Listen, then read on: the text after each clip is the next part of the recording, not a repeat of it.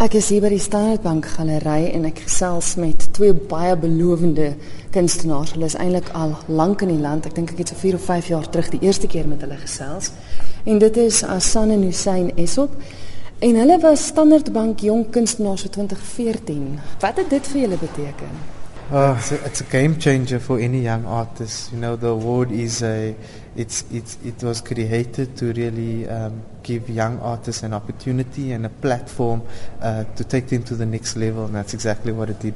It gave us the exposure, it gave us the confidence, it gave us money to make art. You know, it allowed the exhibition to travel around the country for people from all different cultures and backgrounds to, to experience your art um, and then also being uh, part of history and being amongst the, the, the, the winners, the Standard Bank winners for the past few decades. So yeah, to have that title is an un- unbelievable accomplishment and a, a pri- privilege to have.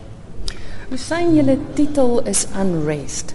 Hoekom die titel en verduidelik gou die, die tema wat julle aangeraak het in die uitstalling? Okay, so um, the title unrest uh, refers to our feeling of, of unrest surrounded by crime, experiencing crime and violence, and uh, what is happening also internationally, the uprisings, the protests.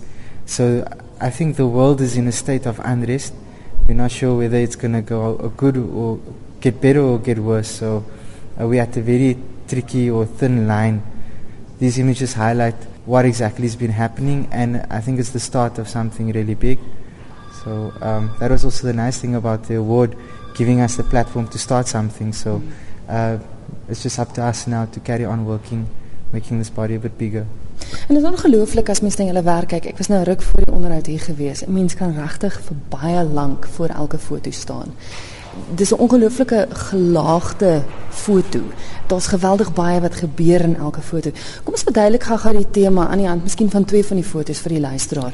Die die eerste een waarvan ons nou hier staan, wat is sy titel? The title is Gangos. And um, it's photographed in Hanover Park. Uh, image looks like uh, Skop skiet in Donne. Mense skiet mekaar, maar dit is van mense seuns wat wat wat or belong to a gang. Uh, there's a lot of gangs in these parts of the city and basically fighting each other. However, the the, the centered characters is of a father holding his dead son, which we exper- experience quite a bit and uh, the flags of the Palestinian flags is also referring to wars that is going on abroad. Um, and you're right, yes, the, the, there's lots going on in the photographs. I like to look at them and think about them like as paintings. Um, as a painting, you're always layering and you, you're adding on and you're composing. And with this, the method that we use, um, because we're stitching so many photographs and we in control of it, we, we, we can choose what we want in and what we're going to take out.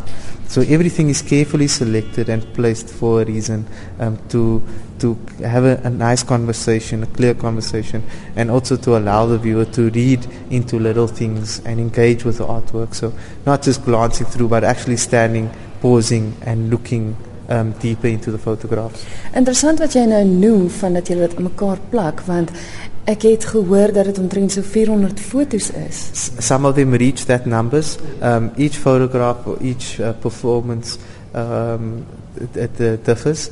Some reaching high numbers as 400 photographs, some a bit less to 200, just depending how many sequences we capture. Um, you'll see the really large uh, photographs. There's, there's a lot more that went into it. Um, but with that process, we were able to really get a rich file size. Um, a high definition photograph, and also there's no uh, blurring. Everything is in focus. Looks like tar. It's three dimensional, yeah. so uh, you really, uh, as the viewer, are welcomed into the photograph, mm. um, are, are, actually taken into that space ja, ja. and experiencing the space as as real as possible. Want dit is, ek meen, dit lyk soos 'n kikkie wat met een klik gedruk is. Ja. wat my interessant is van julle werk ook altyd, julle is self in julle fotos. Mm. Hoekom? in our belief system, it's not really acceptable to portray the face or to portray any object that is that is living. So um, this this has been taught to us like a thousand years ago, and a lot of people still practice it. They still stay true to it, and that's why in in Muslim homes you won't find family photos or pictures of people on the walls. Because this rule was kind of set a long time ago. So, it, in, but it differs again in, in, in every family. I, I guess it, it boils down to your upbringing, how your parents raised you, your teachings. But it's definitely in the beginning, because we started this method uh, while we were still in varsity in Yeah. 2006. Um, so it was in the beginning. It was uh, you know we used ourselves to explore the inner dialogue, things that we're experiencing between religion and popular culture. Um, also, it was an ethical choice that we didn't want to use other people's um, sufferings and sorrow or the identities because you don't know how to really compensate people. So we took on that kind of responsibility and also being twins, you know, sharing identity, being a, a duplicate or a doppelganger of each other. So that multiplicity was also interesting to, to deal with in our work. So being twins and sharing that identity was definitely also um, partly the reason, not only a religious or ethical choice. Dis ongelooflik hoe jy beweging in die foto's inbring want spesifiek nou die een waarna ons nog staan en kyk Ja, ek is nou nie seker watter een van julle want julle maak dit moeilik om te weet wie's wie omdat julle Ja. tweeling is. Maar die een kom aangehardloop, hy's nader aan die pa en die seun. Die ander een staan by die pa en seun en dan sien jy oor die muur spring. So Ja. julle is op meer as een plek in die foto elkeen Ja. van julle. Wel dit is dan seker nou waar dit inkom met die verskillende foto's wat julle aan mekaar las. Yeah. And everyone is placed exactly where they were photographed, which makes it look more real. So uh, the shadows are there. Yeah, so you there's quite a lot of performance, which is quite nice. It's another element to the process, is performative aspect as well as the technical of capturing it uh, digitally. So you're right. It's not just going and clicking once.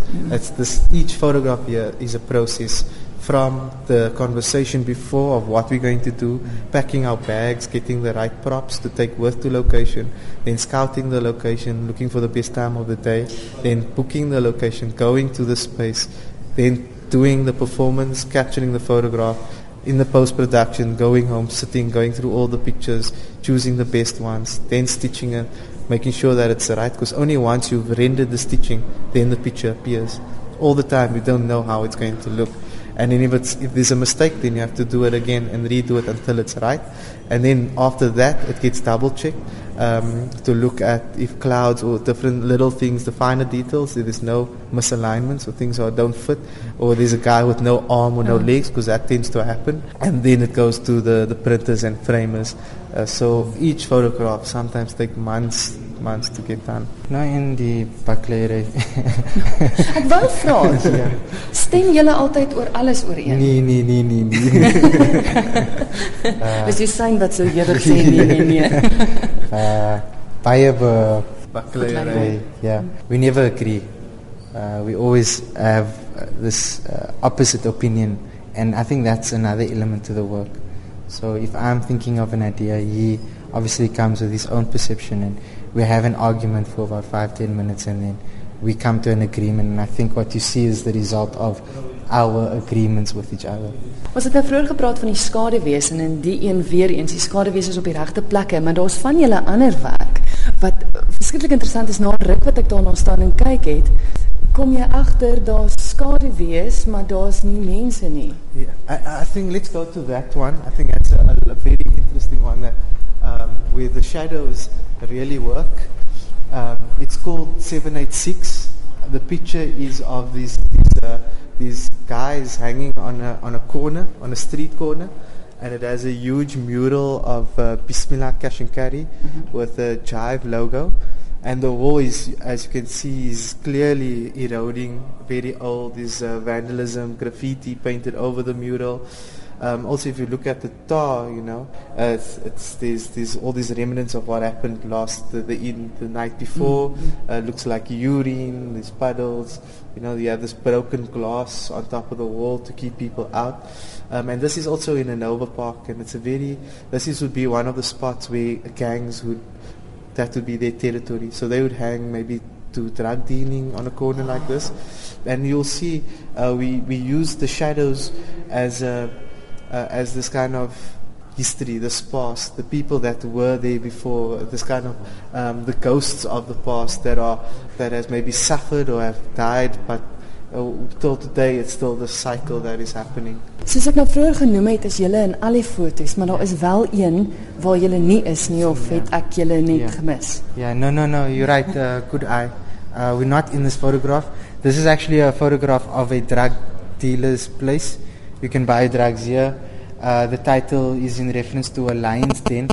Um, this cage, the fact that these people cage themselves in, away from cops. Um, Also, we wanted to highlight the architecture of this this place because this is known as the Cape Flats, um, and these are all uh, the this kind of this this, this uh, block houses that was built during the apartheid era uh, to house the people that were uh, removed from areas such as District Six, um, and they were all located in this in this space.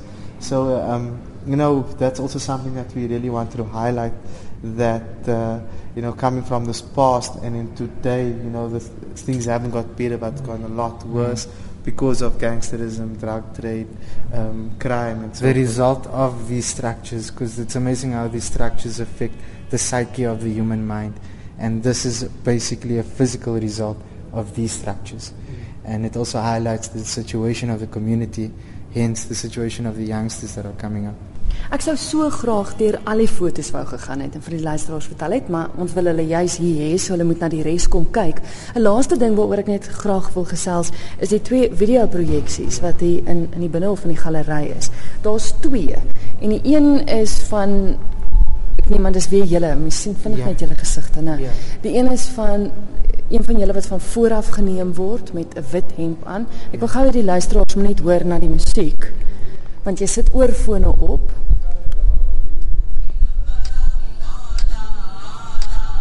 En dis die musiek wat jy hoor as jy na die na die persoon met die wit hemp luister en dan aan die ander kant is daar een met swart klere aan wat met sy rug na ons toe staan en dis musiek. Vir die die twee video's? Yeah. The, we were really inspired by where we get our names from, Hassan and Hussein, and they were two prolific uh, personalities in Islamic history. They were the grandsons of the Prophet Muhammad, peace be upon him, uh, named Hassan and, uh, and Hussein, and they grew up to become these very important imams, Imam Hassan and Imam Hussein, who was martyred um, in their in their adult life, um, and. Uh, you know that uh, in Islam there- was a split in, in, in, its, in, its, in its history that uh, between the Sunnis and the Shias. there was a huge split in the Islamic empire. And uh, it was the, at the, the deaths of these two Imams did the split occur. And uh, so the Shias, they, they, they really re- put these two personalities very high and they commemorate every year through a, a, festival the, the, their, their death. Um, and uh, it's called the, the uh, Ashura, Festival of Ashura.